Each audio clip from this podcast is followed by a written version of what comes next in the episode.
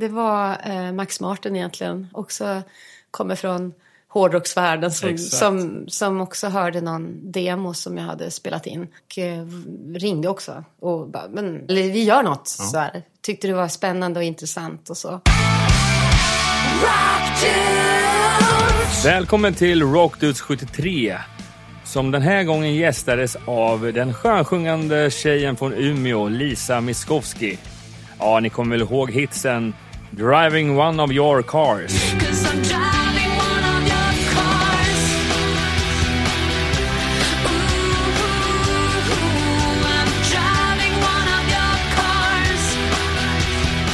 Eller Lady Stardust. Stardust, Lady Stardust, spread your hair across your universe, imagine. Let us in. Eller varför inte Little Bird?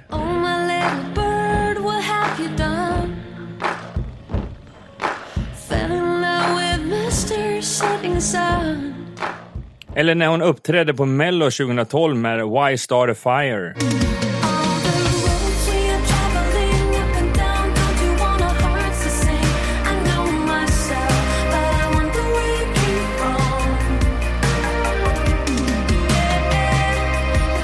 Ja, de här fyra låtarna har ju legat högt upp på topplistorna här i Sverige.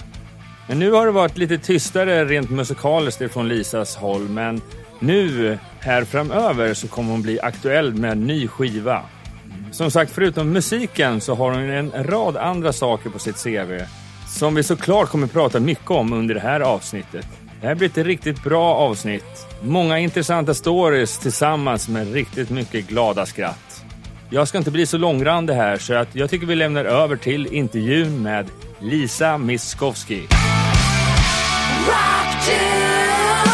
Välkommen till ett nytt avsnitt av Rock Dudes. Och eh, den här gången ska vi intervjua en tjej som jag följde väldigt mycket i början på 2000-talet.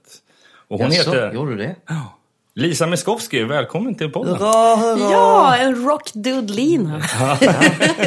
Lisa är faktiskt en eh, rockgirl i grund och botten. Det är inte många som vet om det kanske. Nej, precis. Vad jag har hört så eh, gillar du personligen mer hårdrock. Än Extrem musik. ja, jo, nej men eh, det var nog den första egna genren som jag blev helt alltså, förälskad i.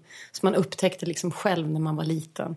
Så det blev, det, jag kommer alltid ha ett väldigt speciellt förhållande till metal och, och hårdrock. Kan du namedroppa några eh, coola band som du än idag lyssnar på? Jo, det har alltid varit Slayer. Jaså? Eh, ja, Jaha. Så det var...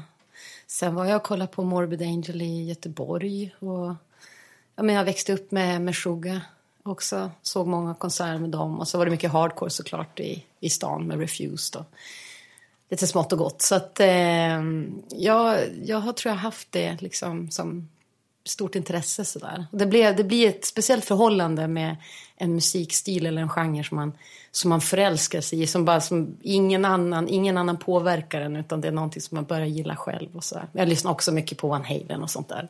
När jag satt och övade gitarr. Det så att det kokar i Umeå. Det är väldigt bra talang kommer därifrån. Vad är, finns mm. något i vattnet kanske? Eller är det bara att det är kallt ute och folk eh, plockar upp sina instrument? Nej men nu kör vi.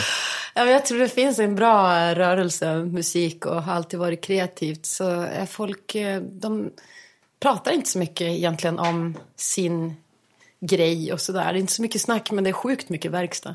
Så antingen sport eller musik? Absolut. Inget och, och det, det, är faktiskt också väldigt vanligt i många av banden som har lirat även pop och, och indieband som, som man möter ute i olika sporter. Alla typ spelar fotboll och frisbeegolf och så här. Så. Och lirar musik? Mm.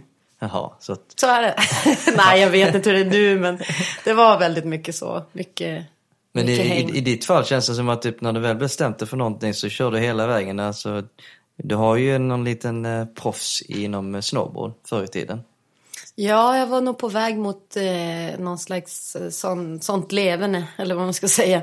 Men eh, jag, jag, tyckte ändå att eh, det var svårt att inte köra musikgrejen fullt ut. Eh, sen är det ju mycket skador och sådär. Man tänker att man man, ehm, ja, sen hade inte vi så mycket och, och i, i Västerbotten eh, där jag befann mig så fanns det liksom ingen pipe och nästan inga hopp överhuvudtaget så man fick ju alltid bli sjukt bra på att bygga grejer och släpa i en massa snö och grejer på själv. Men, eh, men det var svårt att utvecklas när man inte har, alltså som idag finns det ju en pipe överallt och det finns ett eh, snowboardgymnasium i Vännäs, inte alls långt ifrån där jag bor. Så det är helt andra förutsättningar idag. Men, men jag, var, jag var på väg, eh, var, var i Kanada och, och Schweiz. Jag var i, i um, observationsgruppen i landslaget och sådär. Var lite på gång. Blev några roliga stora tävlingar också. Eh, men jag var ju ingen tävlingsperson så det gick ju sällan bra. Men, men det var i alla fall kul att ha fått köra den grejen ganska långt också. Men slut, slutade du förmån för musiken eller var det på grund av skadorna till viss del? Eller var det en kombo-grej? Nej, det var nog mer att jag kände att musiken, eh, snowboard kan jag ju som alltid åka eh, och det gör jag fortfarande när kroppen tillåter höll jag på att säga efter alla dessa år. Men, men, men alltså, jag tänkte musiken är ju någonting som har funnits det här från början och som jag ville ta ett, ett steg längre och även skriva egen musik. För först gick man ju musikskola och så där och då var det mer att lära sig bruks, eh, spela sina instrument och sådär. Men, men jag skrev mycket eget egentligen så, så då kände jag att jag ville ta det till och se hur långt man kunde komma helt enkelt. Jag gav det ett år. Ett år är alltid min så här om det inte går bra med ett år, då ska jag sluta. så... Det där ett år blev ganska långt. Det blev sjukt långt. Ja. Ja. men, men, om man tittar tillbaka, vad... Alltså, du har hållit på med musik egentligen hela ditt liv, mm. kan man säga så. Men har du några första minnen av spelandes på gitarr eller piano eller liknande? Ja, jag kommer ihåg när jag fick min första elgitarr i alla fall. Det var som en, annars hade man ju som nött på med den där nylonsträngade gitarren.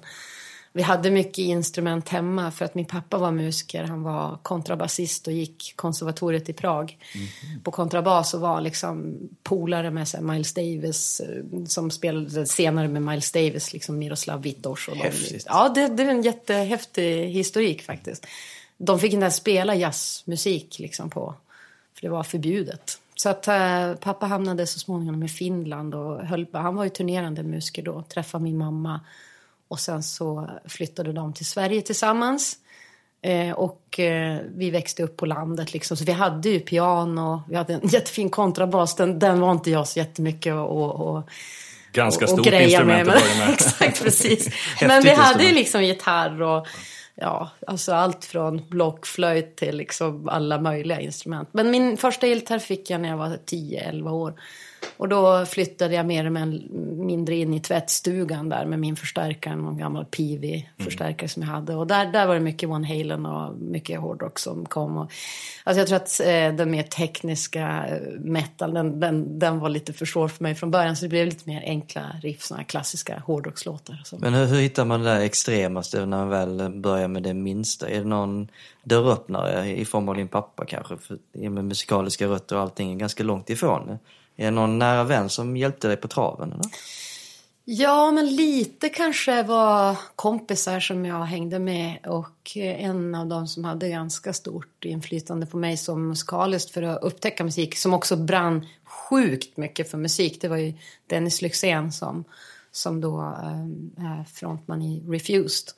Och de hade något band som hette Afrojets back in the days som, som jag tyckte var väldigt, väldigt eh, coolt. Och det var nog energin i musiken och liksom eh, också hans totala liksom, musikintresse. Var, var, och även en annan kille som, som också lyssnade mycket på hårdrock som spelade in så här blandkassettband eh, till mig.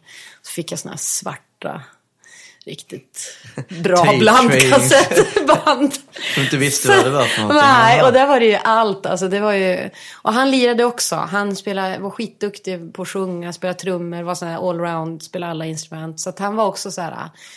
Han var en sån viktig provider när det gäller musik och, och även Dennis också. Så att det blev som så. så spelade mycket dataspel och så. Det var mycket som hängde ihop på något sätt med med metal och Nu spelar du ju popmusik men kunde lika väl svängt åt andra hållet. Du startade band inom hårdrock. Har du haft de här tankarna förut? Att, eller kanske nu på senare tid att det vore kul att starta ett black metal-band bara för skoj skulle i källaren lokal och sådär.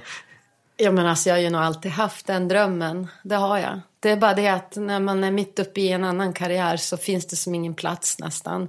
Men eh, jag har känt mer och mer att det finns liksom vissa milstolpar kvar som jag vill, jag vill göra det. Och det är, det är bland annat att göra en, en, en riktigt mörk, suggestiv metalplatta. Det, Oj, det, oj. det, har jag, det har jag drömt om länge. Så att, eh, och det har jag nog börjat så här, små skissa på, skriva på. Så här. Men sen handlar det om att träffa rätt folk och liksom sy ihop det. Det skulle vara kul om det blev något slags lokalt för, för Umeå. För det finns mycket bra metal där.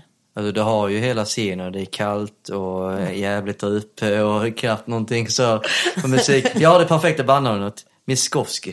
Det låter väldigt tungt och extremt, eh, väldigt hårt. Ja, jag ser ju loggan. Ja, absolut. Man ser inte loggan och det är massa konstigheter som händer och så kommer man inte känna igen det heller för det har massa kajal under och svart eh, och vitt. Ja, det är ju meningen med black metal att det, loggorna ska inte, du ska inte kunna tyda vad det nej, står. Liksom. nej, det ska bara vara en känsla. Det är det som är fint. Det ska vara lite läskigt och, och mörkt bara.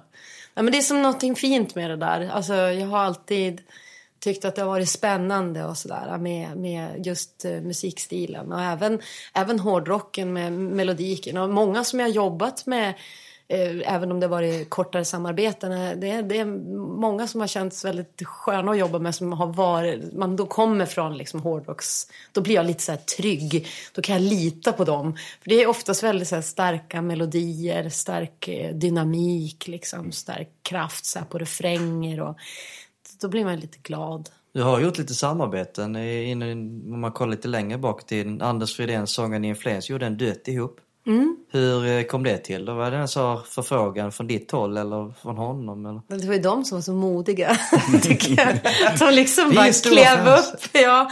ja, men de hade nog lyssnat ganska mycket. Jag vet att Anders hade lyssnat ganska mycket på första plattan som jag gjorde, som var väldigt så komprimerad. Och den var ju lite mer eh, pop, alltså rock, rockplatta än, än det akustiska som jag började liksom utkristallisera senare. Men eh, första plattan var ju ganska rockig sådär. Så eh, han, han gillade liksom soundet och, och det. Och, och de var helt oblyga så de, de mer eller mindre bara ringde och frågade om jag hade lust att komma och testa. Göra lite grann ihop Då sådär. blev du paff när du fick den förfrågan givetvis. Alltså det- ja, verkligen. Men väldigt glad. Men och lite på, rörd. Lyssnade du på In Flames förut eller var så här? Jo, det, det har jag gjort. Alltså, jag har nog varit och... Alltså man har ju lite koll ändå på... Det är, alltså i Sverige vi har ju så sjukt mycket bra band. Så det finns så mycket bra att lyssna på. Så de var absolut ett band som jag hade varit vänt att lyssna på också. Så. Men, Nej. men i Umeå var det mycket hardcore. Det var mycket banden i Umeå som blev mest liksom. Så. Men eh, egentligen är det ju, du har ju haft en, hittills en fantastisk karriär på, eh, med alla skivor du har släppt och sådär. Men egentligen börjar du egentligen med karriären, om inte jag har läst fel, med att skriva en världshit. Det var ju väldigt omvänd ordning. Ja. Men, men, äh, nej, men det var också det var eh, Max Martin egentligen. Också kommer från hårdrocksvärlden som, Exakt. som, som också hörde någon demo som jag hade spelat in. Eh, och eh, ringde också. Och bara, men ja, Det är klart att du ska vara med. ja eller vi gör något. Så här. Tyckte det var spännande och intressant och så. Men var det, Ehm. var det meningen att det skulle bli skrivet till just Backstreet, Boys som var Nej, det, låten var, nej, det var nog rätt lång eh, väg för den låten, hur den vandrade liksom, Mm. genom olika faser och så här. Till slut så hamnade den där. Mm. Och eh, det var fantastiskt roligt att få vara med och gå in i Cheiron-studion och se hur... För det har också varit en liten sån här dröm att ingå i någon slags mer kollektivt. För jag har jobbat så mycket själv och, och varit själv så mycket så att jag trivs jättemycket att jobba med folk. Så att få vara där i Cheiron-studion och se alltså, den energin och all humor och all liksom, pepp och all musik. Och det fanns inga tider på dygnet liksom, då det inte spelades in musik och det var extremt kreativt och roligt. Man tar in någon från nästa studio som lägger någon häftig bas eller den, vi tar in, det var så fritt och kul. Alltså det, det, ja, det är bland det fränaste jag sett. som- Ja, de har ju verkligen en formel som Ja. har blivit ett, ett, en hel business idag. Ja, Liksom. de gjorde ju någonting alltså, som blev väldigt starkt. Liksom, Mm. för ja, skapades mycket där.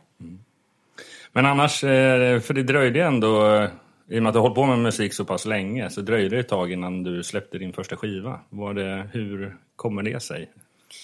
Jag tror att jag var signad i fyra år eller någonting innan Mm. första plattan kom. Och det var mer för att jag var så bred musikaliskt så att jag visste inte vad jag ville göra. Ska jag göra en riktig hårdrocksskiva eller ska jag, ska jag göra något mer poppigt? Och, och så be, befinner man sig på en viss plats och lyssnar på vissa grejer just då. Och det förändras ju ständigt även nu.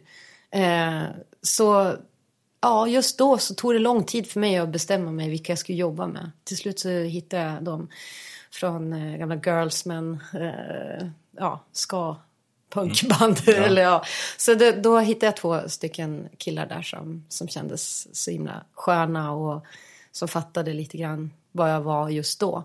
Så, så det var ett jätteroligt samarbete.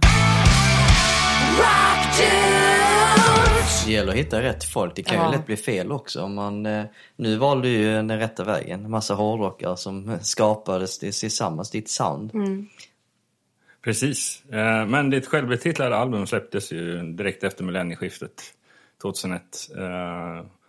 Och det jag, kommer, alltså, för jag, det jag själv minns var att jag såg dig tror jag på Hultsefestivalen. Ja, just det. Den kommer jag ihåg. Ja. Du hade någon så här skotsk rutig klänning och Ja. vi kom direkt från, vi hade varit på så här Tysklands turné med typ Brian Adams eller något sånt där. Ja, du minns inte om det var med Brian Adams nej, men vi, vi, vi turnerade ihop med honom då Jaha. och gjorde en så här förbandsgrej. Så då Det kom direkt häftigt. till, ja det var väldigt roligt Ja. alltså. Ja, och, och sådär. Han har ju skrivit rätt feta låtar också. Så, så det var ju väldigt roligt. Och sen så kom jag direkt till Hultsfred och det var, det var, en, det var en magiskt rolig spelning alltså. Ja, precis. För att jag som jobbade där i väldigt många år, vi diskuterar alltid varje år vilken spelning ska bli den här felbokningen i form av att sättas på fel scen. Ja. Och din spelning var ju en av dem i alla fall. Ja. För det var ju så överfullt i den där lilla teaterlokalen. Ja, det var varmt som tusan alltså. Ja, det var skitkul. Det var verkligen jätteroligt. Alltså det, då var man som också sådär att man hade ju inte upplevt så mycket saker och så mycket gigs. Och eh, giggat hade jag gjort, men inte så festivaler. Så Nej. det var egentligen våran första som riktiga festival egentligen. Så det var rätt häftigt att få, få göra det när det var så, det var så mycket folk. Du blev chockad över att det var så mycket folk som kom här nu. Vi med till första festivalspelning i Sverige. Ja, man vet ju inte liksom vad man har för slags roll ibland. Vad, vilka som ska komma och lyssna egentligen på ens musik och så här. Det är alltid spännande.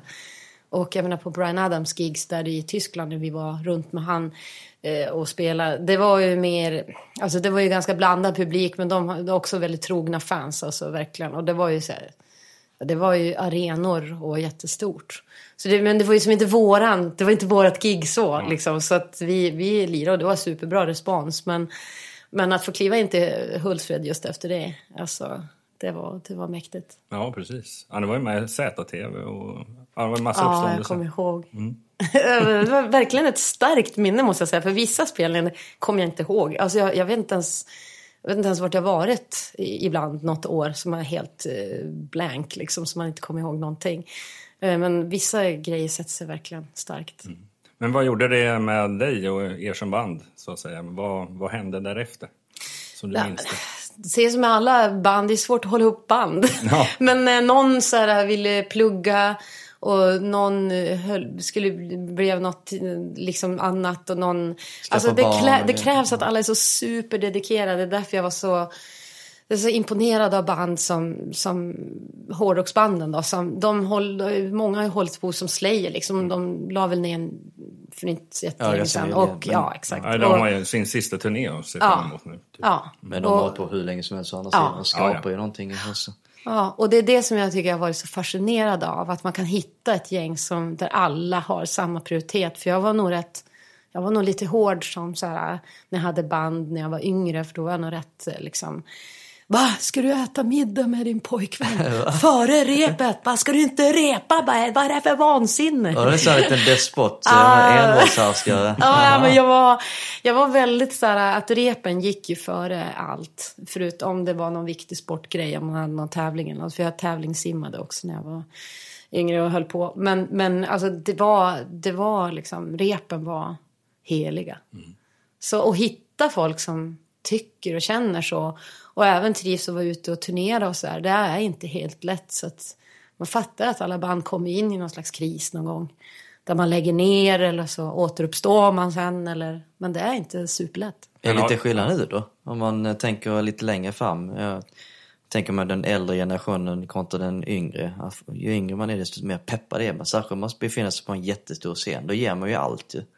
Ja men det gör man verkligen. Men sen är det, det- man har, alltså fo- folk börjar få familjer och man ska flytta och så börjar man tveka på, ska jag hålla på med musik eller ska jag göra något annat? Och... Nästa skiva kommer vara en massa 20-åringar på scen.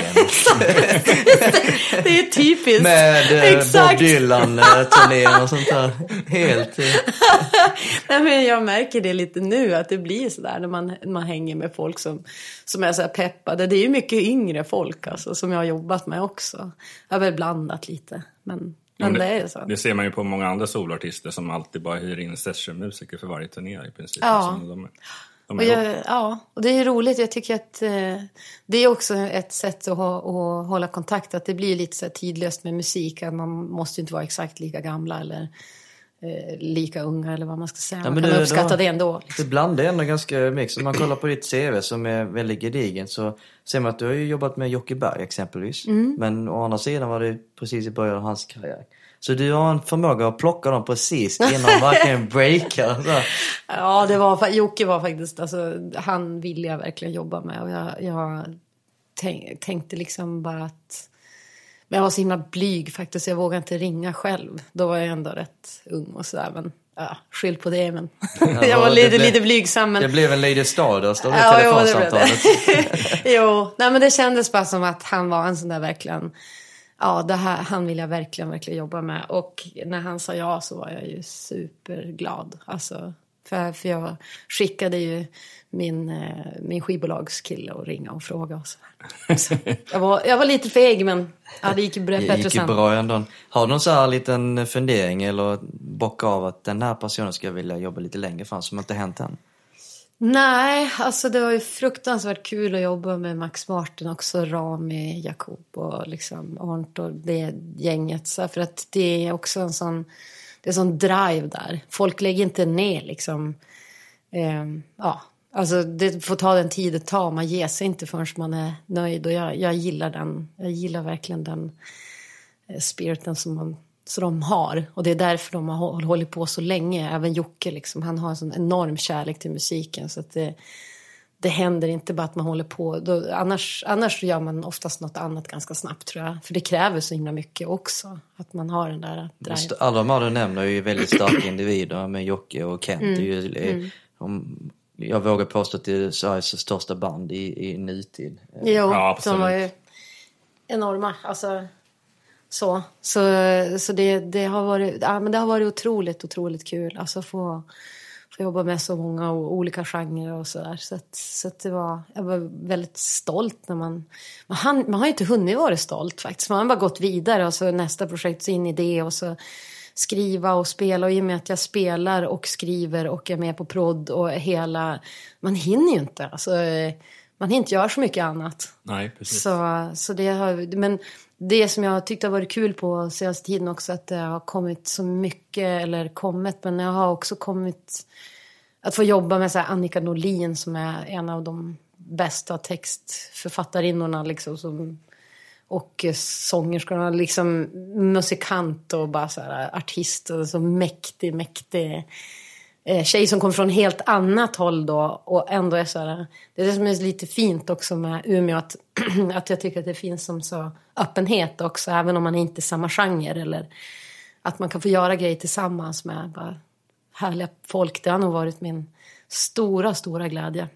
Ja, det är ändå en bra bas med tanke på allt du har åstadkommit ehm, från de största scenerna. Att Det känns som att det finns det någonting som du inte lyckas eh, göra. Vi har inte ens pratat om Mello än och det är bara det är en hel cirkus i sig. TV, är ja. Jobbat med andra saker än musik också. Ja. I Ja, tv-verksamheten. just det. Det har jag nästan förträngt med, faktiskt. med Melodifestivalen, eh, Ja. när man väl får en sån förfrågan och man har sin egen artistkarriär. Mm. ehm, vågar man göra det eller vad, vad är det som försiggick i, i ditt huvud om du fick en förfrågan? Helt ärligt så var jag ganska feg där också. Eller jag, jag kände bara så här, men jag vet inte vad, vad, vad ska jag... Jag har ju inte ens någon liksom sån låt. Eh, Eller vad man nu ska säga att det är. Om det finns någon genre egentligen idag.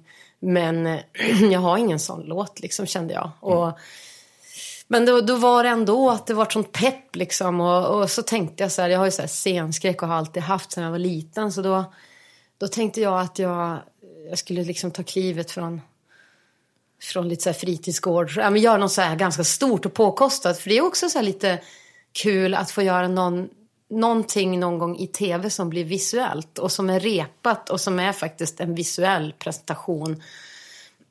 det är ju musikalisk också, men att man också med det visuella får, får, får göra det hela vägen ut. För det, det får man nästan aldrig mm. om du inte liksom, In Flames gör ju det med sina värsta eldar och bomber. Jag var skiträdd. Jag låg bakom, eh, bakom mixerbordet och kved liksom. Och de hade fått eh, fylla i på setlistan så hade de prickat i alla liksom där det skulle smälla. Så låg jag och höll för öronen där i fosterställning. Smällde det på er duetter? Smällde det på er duetter när du var ute och spelade? Ja, jag tror att jag lyckades vara så nervös då så att jag förträngde det. Men, men alltså jag är sjuk, sjukt rädd alltså. Ja. Så nej men det, det, är ändå så här, de, liksom de här oftast eh, de akterna får göra sin grej fullt ut inför massa folk. Men, men att få göra det alltså, som artist, så här, ensam artist, rent liksom, visuellt sådär eh, i tv, det, det tyckte jag blev mer och mer spännande. Och till slut så bara, ja men jag, jag tror inte att den här låten som jag har kommer att bära liksom. Eh, utan det är bara för min egen skull. För att jag har scenskräck och det är en ganska stor utmaning och bra, bra att pressa sig lite grann i det. Så man, så man, inte blir för, går för långt tillbaks och sätter sig i en studio och aldrig kommer ut med den. Så jag tänkte att det är en bra grej. Och det var det faktiskt på alla sätt och vis. Det var mycket roligare. Det var Ja, men alltså, jag fick ju så här, dela loge med Danny Saucedo och Torsten Flings orkester. Ni kan ju tänka hur det var där inne. Alltså, det var helt bananas. ja, det var väldigt, väldigt roligt. Och just för att det är så många stilar och karaktärer och personer som, som möts liksom i, i det så tycker jag det var skitkul. Det faktiskt. kom ju väldigt lågt. Man brukar säga lite grann inom eh, mellotermer typ, eh, du, du, vann inte men du fick ändå det bästa priset för att man kommer alltid ihåg nummer två, nummer tre och, mm. och sen de första vinnarna blev lite bortglömda till slut. Ja, jag vart ju nästan, jag tror näst sist i finalen men mm. den, den, spelades enormt mycket den där låten. Alltså det var, det blev ju liksom etta på lista och intervju, du vet, jättekul. Alltså, och, och ja, men om det var Svensktoppen eller något så här, men Det var jät, jätteroligt. Alltså det blev en väldigt härlig grej av det. Och så fick man komma och göra ganska ja, men så här, stora turnéer och vara med på träffa massa andra artister i den vevan också. Större än Bob Dylan, eh, eller vad var det, eh, artisten du supportade i Tyskland? Brian Adams. Brian Adams, ja, större än Brian Adams. Ja. Jaha, ja, det var, Men det, vis, det visar ju å andra sidan på att du fortfarande hade känslan för att skriva ja. Ja, hitlåtar så att säga, som går i hem. Ja men precis, jag gjorde den där låten tillsammans med ett norskt gäng också som var så helt nytt för mig och vi jobbade ihop. De hade en helt annan stil och sådär också så att det var ju lite så risky business för mig som kommer från mera kuster så de hade varit mer beat-inspirerat gäng sådär. Men det funkar skitbra, jätteroligt att få göra det och det blev ju kul. Mm. Gick det med nervositeten efteråt när flera miljoner tittar på dig? Och... Ja men det gick faktiskt förvånansvärt bra. Alltså och, och jag, sen det var ju kul, alltså vi, det, var, det finns en sån här röstning bland alla låtskrivare och artister som man gör i finalen. Där alla får rösta på den bästa låten i liksom startfältet inför finalen. Och då vann faktiskt eh, våran låt. Mm -hmm. Så vi fick ju värsta fina priset redan innan finalen. Så det var ju som, det var bara grymt allting. Det var bara att köra, ja, köra det var bara på köra. Och så vann Loreen perfekt och fick hon åka iväg och göra de där långa. ja, men det kändes som att det blir så här neverending story. Och eh, alltså det, tar, det blir så lång, lång, lång väg. Och jag var inte riktigt, eh, tror jag, Alltså det, det var nog inte riktigt mitt mål så. Du var inte ledsen att du inte fick eh, representera Sverige i slutändan? Nej, jag tyckte att det var helt perfekt. Att det gick ju ganska bra för henne också, eller hur? ja, Nej, men jag tyckte jättemycket om den låten. Ja. Den tyckte jag var jättefin. Nu, nu, är vi ju, nu när vi spelar in där så har ju Melodifestivalen eh, avslutats ja. och eh, det svenska bidraget kom relativt lätt ingrosso. Ja, låg ju tvåa efter juryn. Ja, väldigt länge. Ja. Följer så... du nu när du varit med i, i Sverige och gjort hela deltävlingar och allting. Följer du Mello efterhand? Jo, men jag har ju en del, eh, en del eh, som Mariette till exempel är en, en artistkollega liksom. Och det är alltid roligt att se vad, vad de hittar på och, och liksom även vad som speglar musiken. Nu var inte hennes låt så, men det var ju många låtar man kände igen från låtar på, som, som är lå, liksom, inte lånat, men inspirerat då från, från topplistemusik. Mm. Då skulle man säga att den här låten låter väldigt likt den här. Och det är mina barn som lyssnar mycket på radio, de också, men det, det låter mamma, den här låten, det är exakt som den här! Ja, ja ni har också börjat förstå det där att man så det var ju mycket så det här året. Och det är klart att man ser trender lite grann inom så, popmusik och sånt. Jag skulle vilja ha in mer metal. Jag tycker att det börjar bli lite smalt alltså. Mm. Det vore roligt med lite, lite mer bredd kan jag tycka. Ja, det, det var väl något riktigt någon, någon riktig smällkaramell där på mm. Eurovision. det var 08. Mm. Någon från Ungern. Mm. Som eldar, nästan eldar upp hela arenan. Där. Ja, men det är rätt. Ja. Eller, nej, det är det inte. Ja, men jag älskar att elda, så det var ja. bara en, en... Eh, Har du lite blodad tand nu att ställa upp kanske nästa år eventuellt? Ja, men alltså, jag är nog inte lika rädd för det. Alltså, jag var så otroligt skeptisk och otroligt liksom vad, vad, min, vad min plats skulle vara. Men jag tror att väl på plats, alla är så himla proffsiga eh, schyssta. De lyssnar verkligen på vad man vill själv. Och det är inte någon som kastar på en typ en stor kostym som man ska ha. Utan man har mycket att säga till om. Vilket jag tycker är schysst för att det ska ju ändå spegla en själv på något sätt. Bli genuint för det man vill göra. Om, oavsett om man vill göra något roligt eller om man vill göra något eh, något mer seriöst och så. Så jag tycker att det, det, var mycket mer lyhört och mycket, alltså alla var sjukt proffsigt på produktionssidan och teknik och mus, alltså lyssning som är viktigt för mig. Mm. man ska stå, alltså, så all, alla var så himla bra och men, då blir man trygg. Då kan man göra en bra grej. Precis, men det är ju lite som någon berättade för länge sedan om att egentligen är produktionskostnaden sky is the limit någonstans. Men det, det som är ändå kul att se lite på det om man stänger av musiken är just att det finns allt från minimalistiskt till bombastiskt. Exakt. Och då får man väl lite göra det man själv vill. Ja, ja men det, det tänker jag också. Just att det, blir, det är det som gör det roligt. Mm. Och sen är det också sådär, som, för, som jag har två barn och liksom man kan se det tillsammans och man kan diskutera vad man tyckte var bra, vad man tyckte var mindre bra eller vad man ja, och sen så brukar de sjunga vissa retlåtar till mig som de vet att jag inte tyckte om så mycket. För det är alltid någon låt som man, som man kanske tycker är, lite sämre sådär. Och så brukar man skoja med varandra. Så, så det är, det är som en fin, lite fin familjegrej också man kan göra faktiskt tillsammans. Men om man går vidare i ämnet på att du gjort andra saker än skrivit bara din egen musik är att du har skrivit musik till tv-spel. Mm. Hur kom det sig? Eller hur startade det? Ja, Lisa är en gamer. Ja, ja jo, jo jag har, ju gameat sedan jag var liten. Men, ja. men det var nog också via, jag tror att det var via med det här samarbetet med Max Martin och Rami. Som Rami, de spelar ju, de är också gamers. Så sen vet man inte hur mycket de har haft tid att gamea. Men vi, vi spelade lite samma spel där ett tag. Vad är samma spel? Eh, ja, uh, men Counter-Strike och sånt. Splinter Cell och sånt. Så det var så du, vårat... du har någon sån här CS-ranking kanske och så sitter många ja, timmar framför? Jag satt ju och spelade med...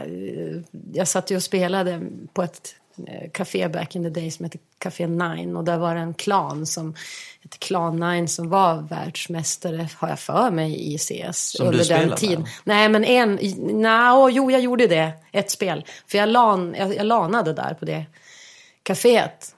Och eh, jag gick dit själv ibland och, och alltså, första gången hade jag med mig någon kompis som visade mig hur det gick till. Och sen så gick jag dit själv ibland när jag var här i Stockholm och gjorde musikgrejer. Och så hade man kanske någon timme över så, så istället för att bara gå och lägga sig så, så, lanade, så, så lanade jag. så, och då var det faktiskt en av dem i den klanen för jag, kunde, jag visste liksom vad alla alias, deras aliasnamn var. Mm. Och då kom jag ihåg att han, han, han och jag var ensamma på ett lag. Och så var det fullt på andra laget liksom. Men innan jag hann liksom välja vapen sådär.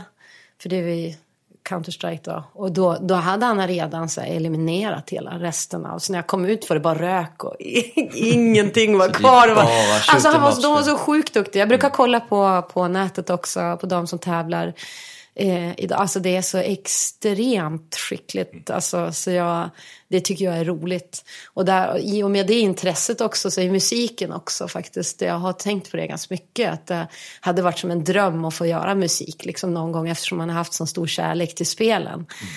Och så plötsligt dök det där upp. Det var faktiskt Rami då som ringde och sa att ja, men nu ska de göra ett stort eh, DICE och det är svenskt och det är stort och det är Mirror's Edge och det är en kvinnlig huvudkaraktär. Och, ja, men Lisa säger ju liksom inte nej. nej. men jag vill ändå komma dit och, och, titta och känna på spelet och känna bakgrundshistoriken liksom till vad spelet gick ut och vad det var för story kring spelet. Så det var jättekul att få göra det och få möta upp i spelvärlden och kombinera det med musikvärlden. Det var du öppnade upp en helt annan värld vill jag minnas för att just då helt plötsligt så fick du en remix, flera remixlåtar från flera stora inom den här eh, EDM-genren kan man väl säga mm. lite grann, eller mm. klubbscenen. Ja, kollar man på Spotify var det hur många som helst. Ja. Känns det som. Man... Ja, jo, det är många av fansen som har påpekat att låten har spelats, ja men så här Youtube-klipp som har liksom, alltså verkligen fått så himla mycket uppmärksamhet. Och det, det var ju någonting som levde utanför min värld. Alltså jag är ju hemma i Norrland och, och stökar på där. Och ibland märker man inte när någonting börjar gro liksom någonstans. Och det var rätt kul när, när folk sa det, så det var roligt. Det var ju väldigt eh, häftigt att få, vi vart nominerade till årets bästa spelmusik på Scream Awards, heter det. Oj. Och det var ganska stort. Det var ingen som sa till mig, jag åkte till LA och skulle gå och rädda mattan där. Jag visste inte ens var, var, vart jag var någonstans eller vilka andra som skulle vara där. Men jag var först eh, på festen så skulle jag gå runt ett hörn och där satt alla fotografer. Det var det var ju miljardfotografer som skrek så fort jag gick. Så jag kände mig som så här tjuren Ferdinand. Jag gick in och sen backade jag liksom ut. För jag var, det var ingen som hade förberett mig på det. De sen kom Ozzy Osbourne och hans familj liksom bakom mig. Oj, och Marilyn Manson och eh, Smashing Pumpkins, Billy Corgan liksom dök upp där och så Gary Oldman, en av mina favoritskådisar. Så jag, jag, gick där helt själv liksom och bara irrade runt. För, jag vågade inte gå framåt för där, där stod den och... Kom, liksom. kom folk och pratade med dig då? Jo, det, det var, dig, nej, det var inte så många. Det var, folk skrek ju Swedish Viking, wow! Jättepeppade. Men jag jag, jag frågade vad jag hade för märke på min klänning, jag hade ingen aning. det, så är det sådana frågor man ställer ja, det, på det, det är allt ifrån fashion magazine, så det är liksom mode, det är spel och det är allting. Så, så jag, det var ju ingen som hade förberett mig, så jag varit lite, det var lite kul också. Mm. Så fick jag sitta nästan, eh, alltså bordet bredvid Gary Oldman, då var jag supernöjd. Ja. Och det var jättekul. Vi vann ju inte då, men Nej. vi var i alla fall nominerade Eh, Tim Burton flög in med en liten luftballong ovanför våra huvuden. det, liksom, det, var, det var så här, ja men det... Crazy det häft, day. Ja, det var crazy days. Men det alltså. delade du bord med Gary Oldman då, eller hur var det? Nej, det, han satt i nästa bord bort liksom. Men Vilka det var, man satt och sneglade lite så här. Ditt sällskap, vem var som satt i det bordet då? Nej, alltså det var jag och, alltså jag kommer inte, alltså det, det var... var tv-spels tillsammans, ja, ja, och så sen så så var det ju då, jag åkte hem i alla fall. Han hade ju egen bil då, men Marilyn Manson och jag stod ju liksom ensamma på parkeringen och väntade på bil. Så det var inget var... samtal där heller? Eller? Ja, det var noll. Han var lite sur för de Aha, hade, det? ja, han, mikrofonen han skulle, han skulle presentera ett pris där. Och då hade teknikerna, alltså han är superlång. Och den gick liksom till naven, mikrofonen. Så han fick så stå som så här förnedringsböjd. Mm. Och då slet han upp hela mikrofonen med kablage och allting. Och teknikerna gick ju bananas. Och han blev ganska upprörd på dem och skrek åt dem. Och det blev en liten grej där. Det var intressant. Så han gick nog hem tidigt för att han var nog inte på så himla ja. bra humör. Och jag frös. Så att det var... Nu ska han spela på Gröna Lund. Det kanske är dags att... Ja, kanske bara Remember me. oh, det är Kom ihåg du som slet upp micken med kablarna. Det var ett bra samtalsämne. Exakt. Nej, det, det känns, eh, det, jag sa ingenting. Var väldigt tyst där. Det känns ändå som att eh, massa grejer händer utan att du vet om det. Alltså, det, det, det kommer som en klarblå himmel och så bara gör man det och sen helt plötsligt befinner man i en annan del av världen och bara okej, okay, men det här var bara en spontan grej vi gjorde. Liten, så här. Händer det ofta? Att sånt där Ja, men jag har nog gjort det. Alltså när du säger det så är det faktiskt lite så. Kanske därför att man är så öppen. mot så här, olika genrer. Man är inte så, nu är man är helt orädd alltså att testa grejer och sådär. Och jag tror att det är väl det också som har varit en styrka. Att man har inte varit så, egentligen så rädd. Och så. Och det är samma sak med just efter min första platta så, så skrev jag några låtar ihop och jag höll ju väldigt låg profil med det för att det var skulle skriva lite låtar ihop med Dennis Lyxzén till hans eh, sidoprojekt Lost Patrol där alla liksom, de man kände nästan var med. Eh, alla olika band var som ett stort band. Eh, och eh, då skrev jag någon låt dit som vi sjöng duett på. Och det var också så här, typ den mest spelade låten något år där. Och då kunde inte vi släppa eh, egentligen min nästa skiva för att radion vill inte sluta spela det Så där. du sabbar lite för Så dig jag själv? sabbar då? för mig själv. Aj, aj, aj. Så här lyxproblemet. Ja, sätter krokben. Men så. eh, ja, så det var också en så här superspontan grej. Vi gick in i en studio, jag var där i en timme, vi gjorde allting live. Vi var 18 pers i ett rum som var liksom fem gånger fem meter höll jag på att säga, men inte mycket större. Och, och spela in. Och det var också en sån här superspontan grej som blev ganska, alltså den fick ganska bra fäste. Så att man har haft tur på det sättet, att man har, man har haft roligt och inte varit så ängslig av sig. Och jag tror att det är då man kan skapa en slags livslängd åt det man håller på med. Finns det någonting som du inte har gjort som, eh, som är så här, vill bocka av då?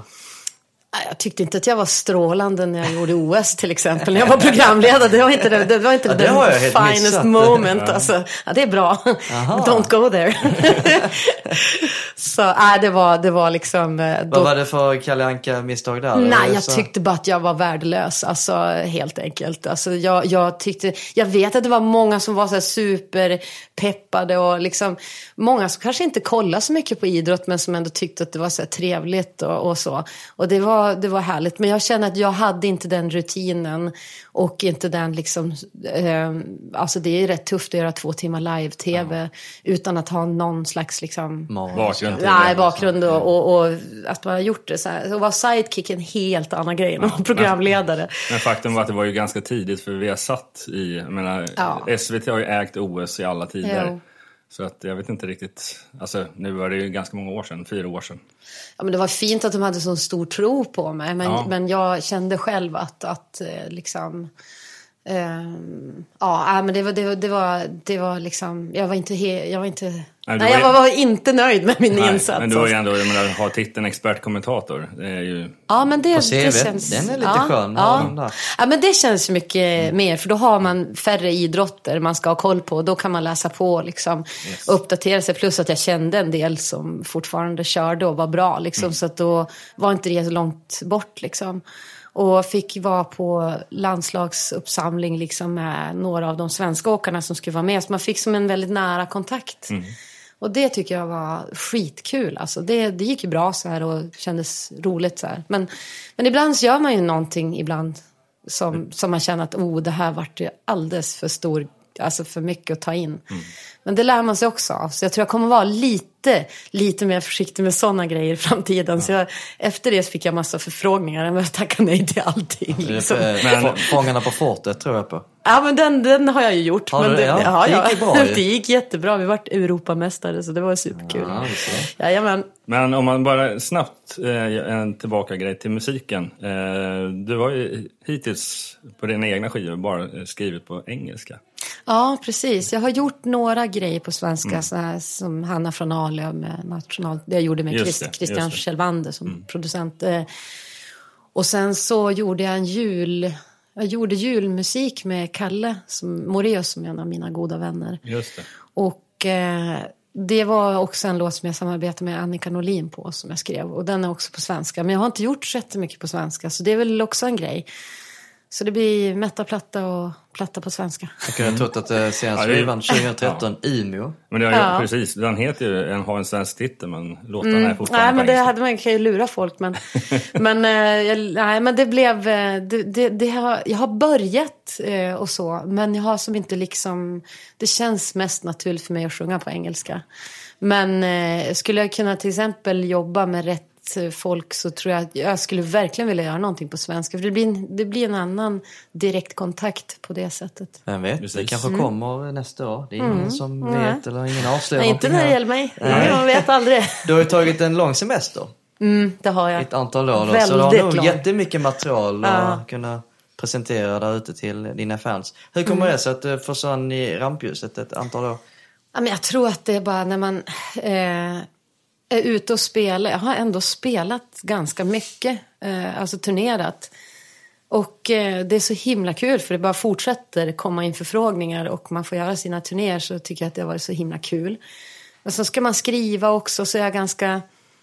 Jag, vet, jag skriver mycket men att eh, gö- göra färdigt och sådär. Jag har mycket som idéer och sånt men att sy ihop det ibland kan bli en ganska lång process.